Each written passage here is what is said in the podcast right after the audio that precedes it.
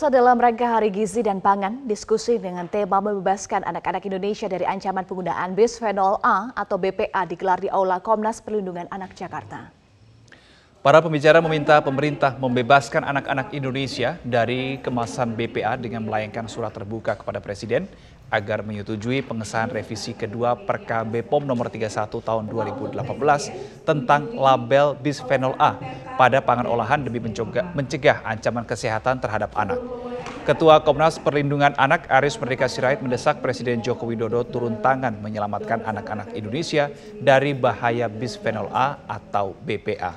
Anggota Perhimpunan Dokter Umum Indonesia, Catherine Cahyadi, mengatakan paparan bisphenol A atau BPA dalam jangka waktu yang lama akan menyebabkan gangguan perkembangan pada anak seperti autis, bipolar, sering tantrum, dan gangguan pada saraf, bahkan dari sebelum lahir. Ancaman penyakit tersebut bisa berasal dari kemasan plastik yang mengandung senyawa bisphenol A. Sementara itu, anggota Komisi 9 DPR RI Arzeti Bilbina mendesak pemerintah segera menerbitkan aturan tentang larangan penggunaan bisphenol A dalam pembuatan wadah plastik makanan. Ia menegaskan produsen wadah plastik harus memastikan produknya bebas dari BPA. Minta kepada uh, uh, Seknek uh, agar naskah Perka 31 2018 yang sudah diserahkan oleh BD Badan POM untuk segera ditandatangani oleh Presiden. Demikian juga eh, apa, surat terbuka eh, Komnas Perlindungan kepada Presiden agar itu menjadi dasar Presiden menandatangani. Jadi itulah eh, output dari diskusi terbatas dalam rangka memperingati gizi nasional di mana bahaya BPA itu sedang mengancam kehidupan anak-anak baik itu janin dan balita. akan masuk ke dalam makanan yang ada di dalam kemasan tersebut. Ya, bahayanya apa sih dok? Kan bukannya kalau namanya suatu kemasan hanya untuk wadah aja kan kita nggak makan kemasannya. Betul ibu-ibu kita nggak makan kemasannya. Tapi yang kita nggak tahu ternyata senyawanya itu dengan proses pemanasan ya. Di sini pemanasannya bukan cuma pemanasan kita manasin uh, makanan aja di wadah ya, tapi terpapar sinar matahari kan matahari panas.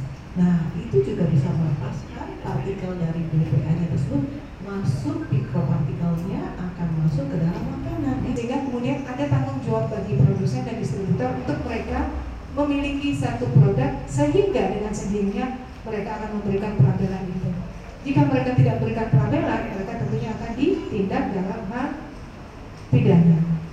Nah, kekuatan hukum dari perkara inilah juga yang harus kita kawal untuk saat ini.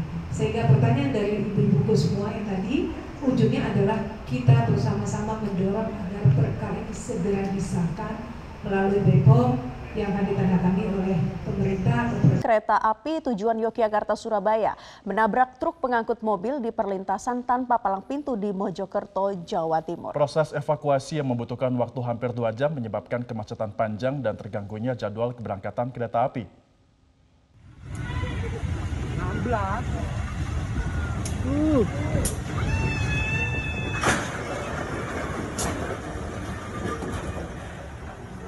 Sebelum terjadi tabrakan, penjaga perlintasan kereta api telah memberi tanda kepada masinis untuk melakukan pengereman hingga kereta api melaju pelan, meski tetap menghantam truk dan membuat truk terseret beberapa meter. Beruntung sopir truk telah turun sebelum kereta menabrak sehingga tidak ada korban jiwa dari kejadian ini. Kasat Lantas Polres Mojokerto AKP Bayu Agustian mengatakan kecelakaan terjadi karena bagian bawah truk tersangkut rel.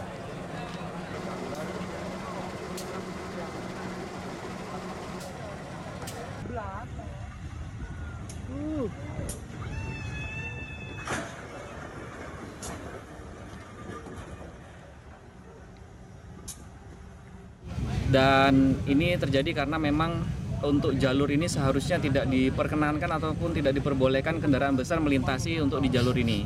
Ketika melintasi jalur, ternyata kendaraan trailer ini tersangkut di rel kereta sehingga tidak bisa berjalan. Akhirnya kereta yang dari arah eh, Mojokerto menuju Surabaya ataupun kereta ini arahnya awalnya dari Jogja menuju Surabaya, ketika sampai di lokasi untung alhamdulillah sempat melakukan pengereman sehingga benturan tidak terlalu keras sehingga tidak ada Kita beralih ke informasi lain, pemirsa Kementerian Kesehatan RI mencatat kasus campak di Indonesia meningkat 32 kali lipat sepanjang 2022. Ya, kenaikan masif ini salah satunya disebabkan imunisasi yang tidak sesuai dengan target. campak kemarin emang agak naik ya.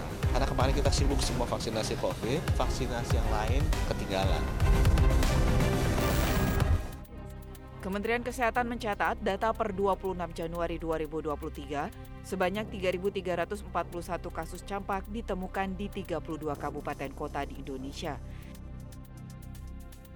Dari jumlah tersebut, diketahui 12 provinsi telah mencatatkan 55 kejadian luar biasa campak dengan Provinsi Sumatera Barat sebagai provinsi dengan kasus terbanyak. Juru bicara Kementerian Kesehatan M. Syahril menjelaskan, campak merupakan penyakit yang dapat dicegah dengan imunisasi. Namun saat ini, cakupan imunisasi campak di Indonesia belum mencapai target.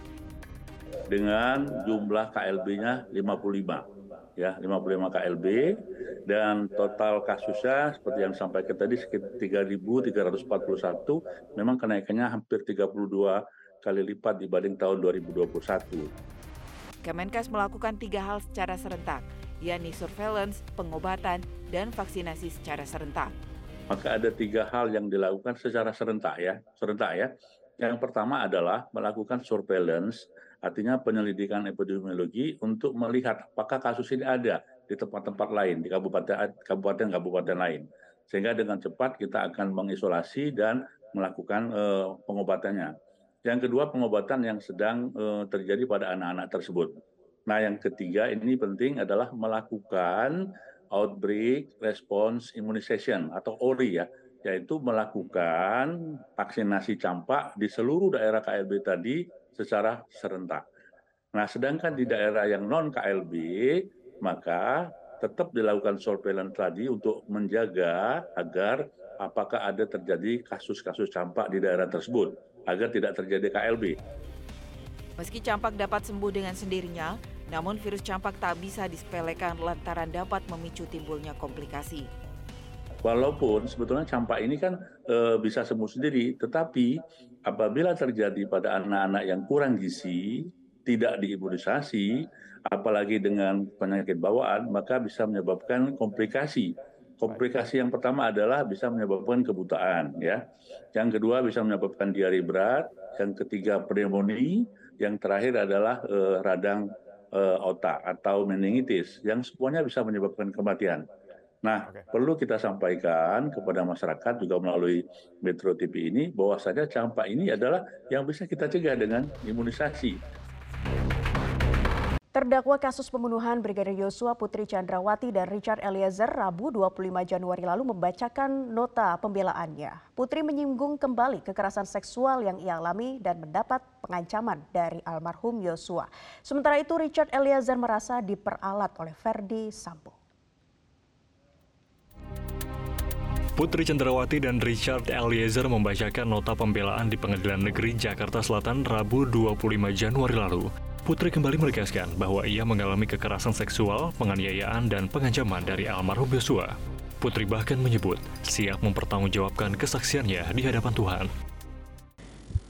Saya tidak mengerti mengapa ini harus terjadi pada saya tepat di hari pernikahan kami yang ke-22.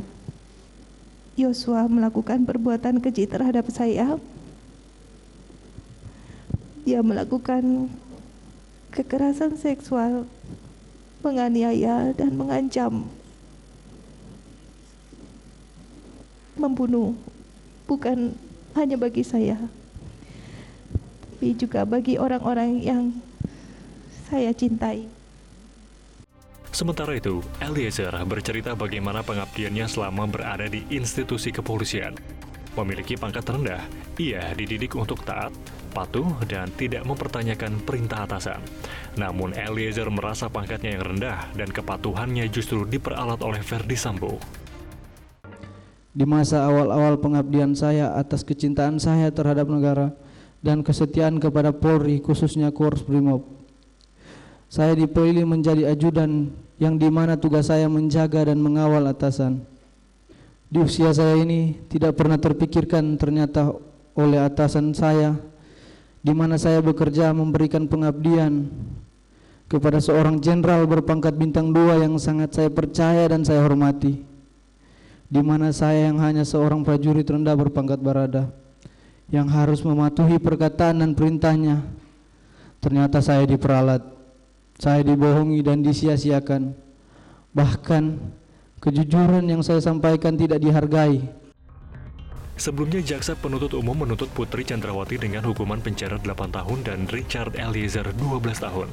Akankah pledoi yang mereka bacakan bisa meringankan vonis majelis hakim? Kita tunggu.